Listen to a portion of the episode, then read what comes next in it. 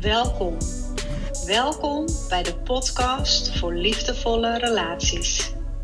Mijn naam is Claudia Krumme en ik ben oprichter van Counseling Center Changes.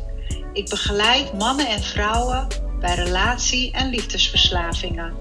Ik ondersteun mensen bij het loskomen van verslavende relaties, verlatingsangst, bindingsangst en codependency.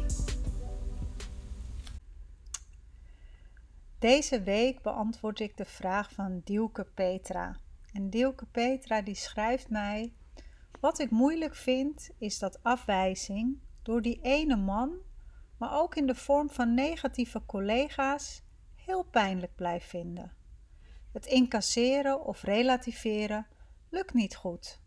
Ik herken nu wel dat ik er lichamelijk ook echt ziek van word. De vraag is: waarom voelt afwijzing als zo'n hardnekkig probleem en wat kun je eraan doen?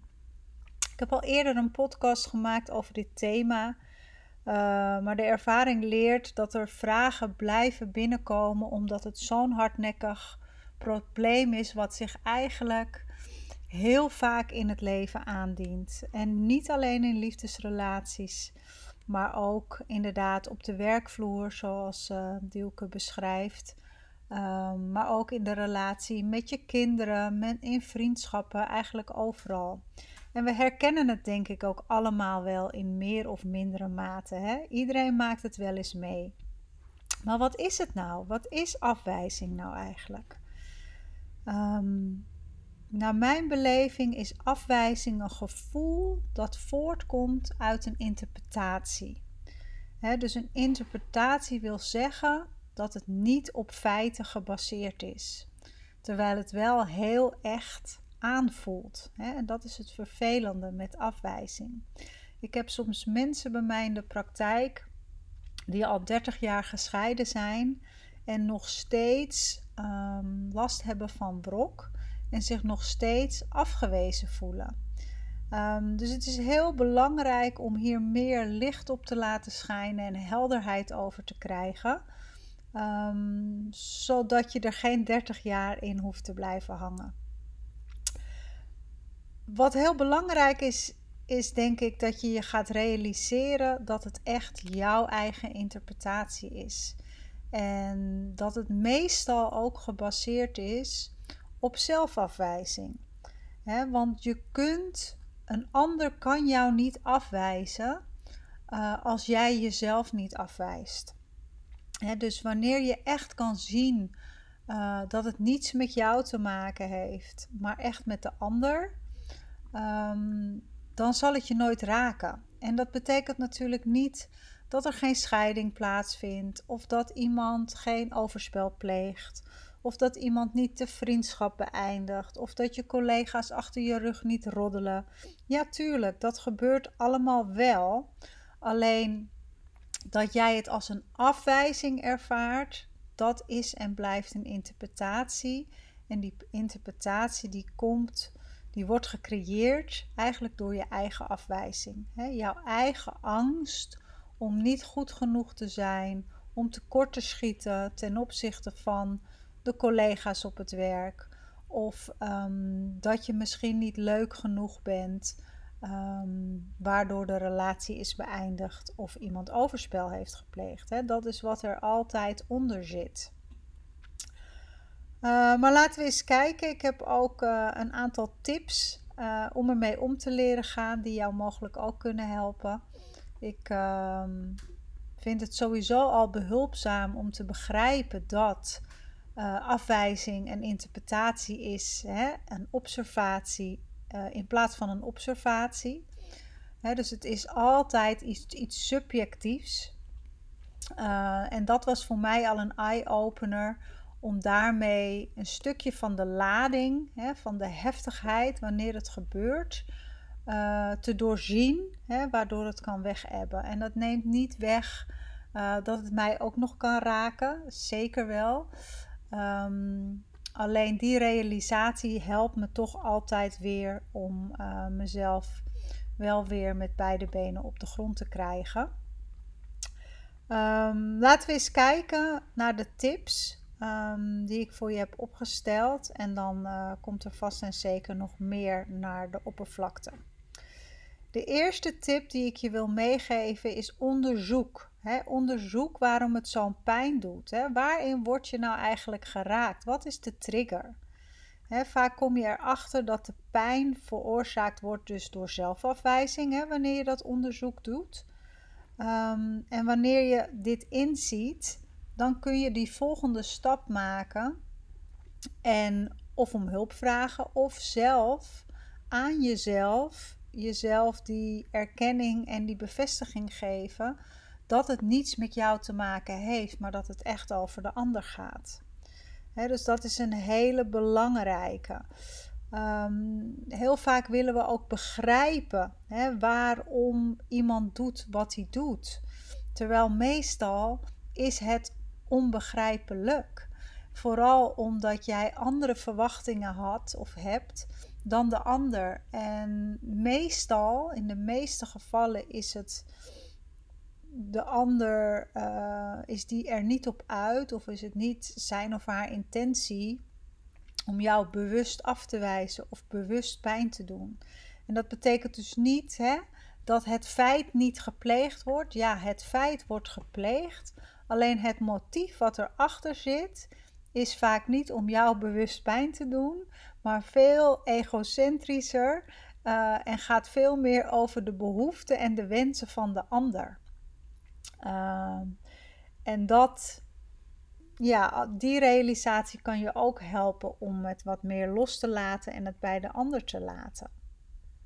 dus tip 2 is ook um, doe een reality check. spreek met een vriend of een vriendin of een coach of een therapeut of iemand die jij vertrouwt om te kijken wat er nou precies aan de hand is. Laat een ander met je meekijken en onderzoek samen wat klopt er nou wel en wat klopt er nou niet?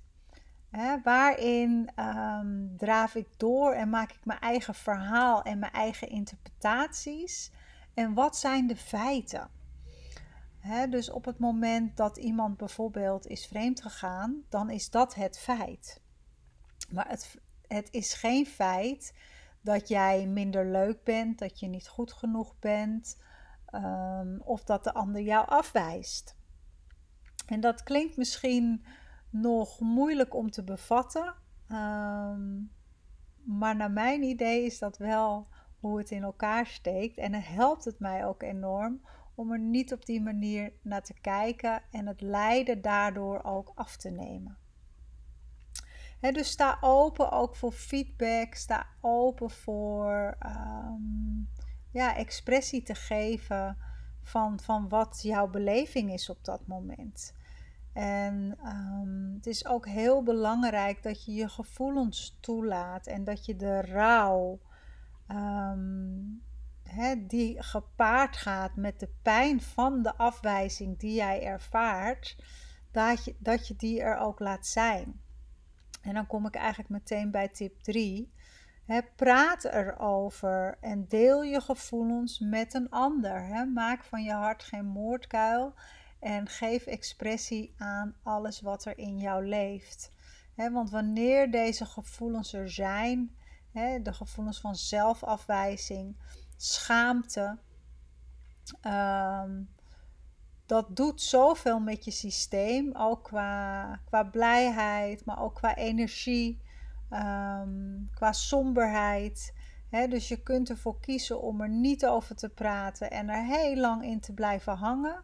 Terwijl op het moment dat je de boel opengooit en de ander deelgenoot maakt van jouw somberheid, je verdriet, je onbegrip, je machteloosheid en alles wat er misschien uh, mee gepaard gaat, um, helpt alweer om ruimte te creëren. Uh, om weer contact te maken met ja, die liefde en die vreugde die we allemaal in essentie zijn. En het helpt ook om ehm, in dat rouwproces weer bij een volgende fase aan te komen. want uiteindelijk wil je toegroeien naar die acceptatie. er is een quote, misschien heb je het me wel eens eerder horen zeggen. Acceptance is the key to all our problems. Uh, dat is een quote uit het uh, Big Book van uh, anonieme alcoholisten. En dat is volgens mij ook zo. Hè? Acceptatie is daadwerkelijk de sleutel tot al onze problemen. Maar dat wil niet zeggen dat we er zomaar um, vanuit een gevoel van wanhoop in één keer naar de acceptatie kunnen. Nee, daar gaat een rouwproces aan vooraf. En uh, daar gaat verdriet mee gepaard en het uiten van gevoelens. En there is no easier, softer way. Je zal daar doorheen moeten. dus neem die tijd en neem die ruimte om, um, om die rouw er echt te laten te zijn. Want doe je dat niet, en dan gaat de rouw stapelen. En met alle gevolgen van dien, dan kom je in een stukje overspannenheid, burn-out, depressie, noem maar op. Hè. Dat zijn allemaal consequenties van gestapelde rouw. En rouw wil dus niet alleen maar zeggen dat je hè, iemand hebt verloren um, aan, aan een hè, sterfgeval, maar rouw vindt ook plaats hè, bij, bij afwijzing bij echtscheiding, bij breuken in vriendschappen. Ook dat is absoluut een rouwproces. Dan tip 4. Neem het niet persoonlijk. Hè, als je het voorbeeld neemt van bijvoorbeeld een vacature waar meerdere sollicitanten op afkomen, wanneer het een gewilde functie is, um, dan kun je het niet allemaal worden. Ehm, maar je zal het mogelijk wel als een afwijzing ervaren. Terwijl uh, het absoluut niet persoonlijk is. En uh, in dit geval uh, de werkgever een bepaald iemand in gedachten heeft, waarvan er misschien meerdere wel geschikt zijn voor de functie, maar ze er uiteindelijk één moeten kiezen. En dan tip 5, laat de controle los en kies voor overgave met wat is. En dat vind ik zelf een hele mooie ook en een hele belangrijke. Want eigenlijk is ehm, het een vorm van controle om tegen de stroom in te gaan ehm, wanneer je die gevoelens van afwijzing ervaart. Dan ga je als het ware tegen de stroom in. En dan ben je niet uh, in verbinding met acceptatie. Hè? Je wilt dat de werkelijkheid anders is uh, dan dat die is. En afwijzing is niet te voorkomen. Hè? Waarmee ik bedoel dat het leven vol zit met gebeurtenissen waarvan je mm, had gewild dat ze anders waren. Um, maar dat is niet zo en daar hebben we geen macht en geen invloed over. Hè? We hebben maar een, een deel macht over onze acties en er is ook een deel waar we geen macht over hebben. we denken vaak te weten wat we nodig hebben en als we dat niet krijgen, dan doet dat pijn. Um, een van de mooie lessen die ik ooit heb geleerd in uh, eh, 12 programma's, hè, in de derde stap. Hè, die gaat over overgave en over acceptatie. Ehm, en natuurlijk hè, stroom ik of um, zwem ik ook nog wel eens tegen de stroom in. Uh, maar ik realiseer me wel meestal heel snel dat zodra er pijn is, zodra er angst is, zodra er boosheid is, zodra er negatieve gevoelens zijn, dan weet ik van oké, ergens ben ik nu niet in overgave. En overgave is een tool, een spiritueel principe, wat me dus weer kan helpen om weer terug te komen bij, uh, ja, bij dat loslaten. En John Lennon die had er ook een mooie quote over. En die zegt: Life is what happens while you are busy making other plans. dus het leven gebeurt gewoon en het dient zich aan terwijl jij misschien hele andere verwachtingen en plannen hebt. Ook een mooie is: uh, verwachtingen zijn teleurstellingen in de dop. Um, maar goed, daar kan ik ook een hele podcast uh, over maken, over verwachtingen. Misschien doen we dat wel een keer. Maar zorg dat je positief blijft. Uh, ook wanneer je deze gevoelens ervaart en realiseer je dat ieder gevoel van afwijzing eigenlijk zelfafwijzing is en dat het daarnaast altijd een uitnodiging is naar meer zelfliefde. En ehm, zo voelt het misschien niet, hè, maar wanneer je op het pad van herstel en heling uh, zit en je bent bezig met therapie en coaching en innerlijke ontwikkeling, ehm, dan ga je dat steeds meer ervaren. dat iedere trigger en iedere afwijzing ja, een uitnodiging is om je, zelfliefde weer te verdiepen. En dan uh, kun je uiteindelijk dankbaar zijn voor datgene wat misschien heel, uh, heel onprettig is. Ik ga heel even terug nog naar de vraag van Dielke Petra. Even kijken of ik daar nog iets over wil zeggen. Um, ja, het incasseren of relativeren lukt niet goed. dus die woorden die triggerden mij. Ik dacht, um, moet je dat willen? Moet je het willen om te leren incasseren of relativeren? Uh, ja en nee. Natuurlijk is het fijn hè, als je het kan relativeren en als je het kan loslaten. Maar doe dat niet te snel. Hè, want je mag, het is ook heel waardevol om te voelen dat iets je raakt. Stel je voor dat je meteen uh, incasseert en relativeert en dat het je helemaal totaal niet meer raakt. Dan ben je ook niet in contact met je eigen grenzen en dan ben je ook niet in contact met je eigen behoeften en wensen. dus het incasseren of het relativeren, dat zijn ook weer die zogenaamde overlevingsstrategieën die je weghouden uh, bij je ware gevoelens. En je ware gevoelens heb je nodig om een authentiek leven te kunnen leiden. En om echt dat leven te leiden wat echt bij jou past.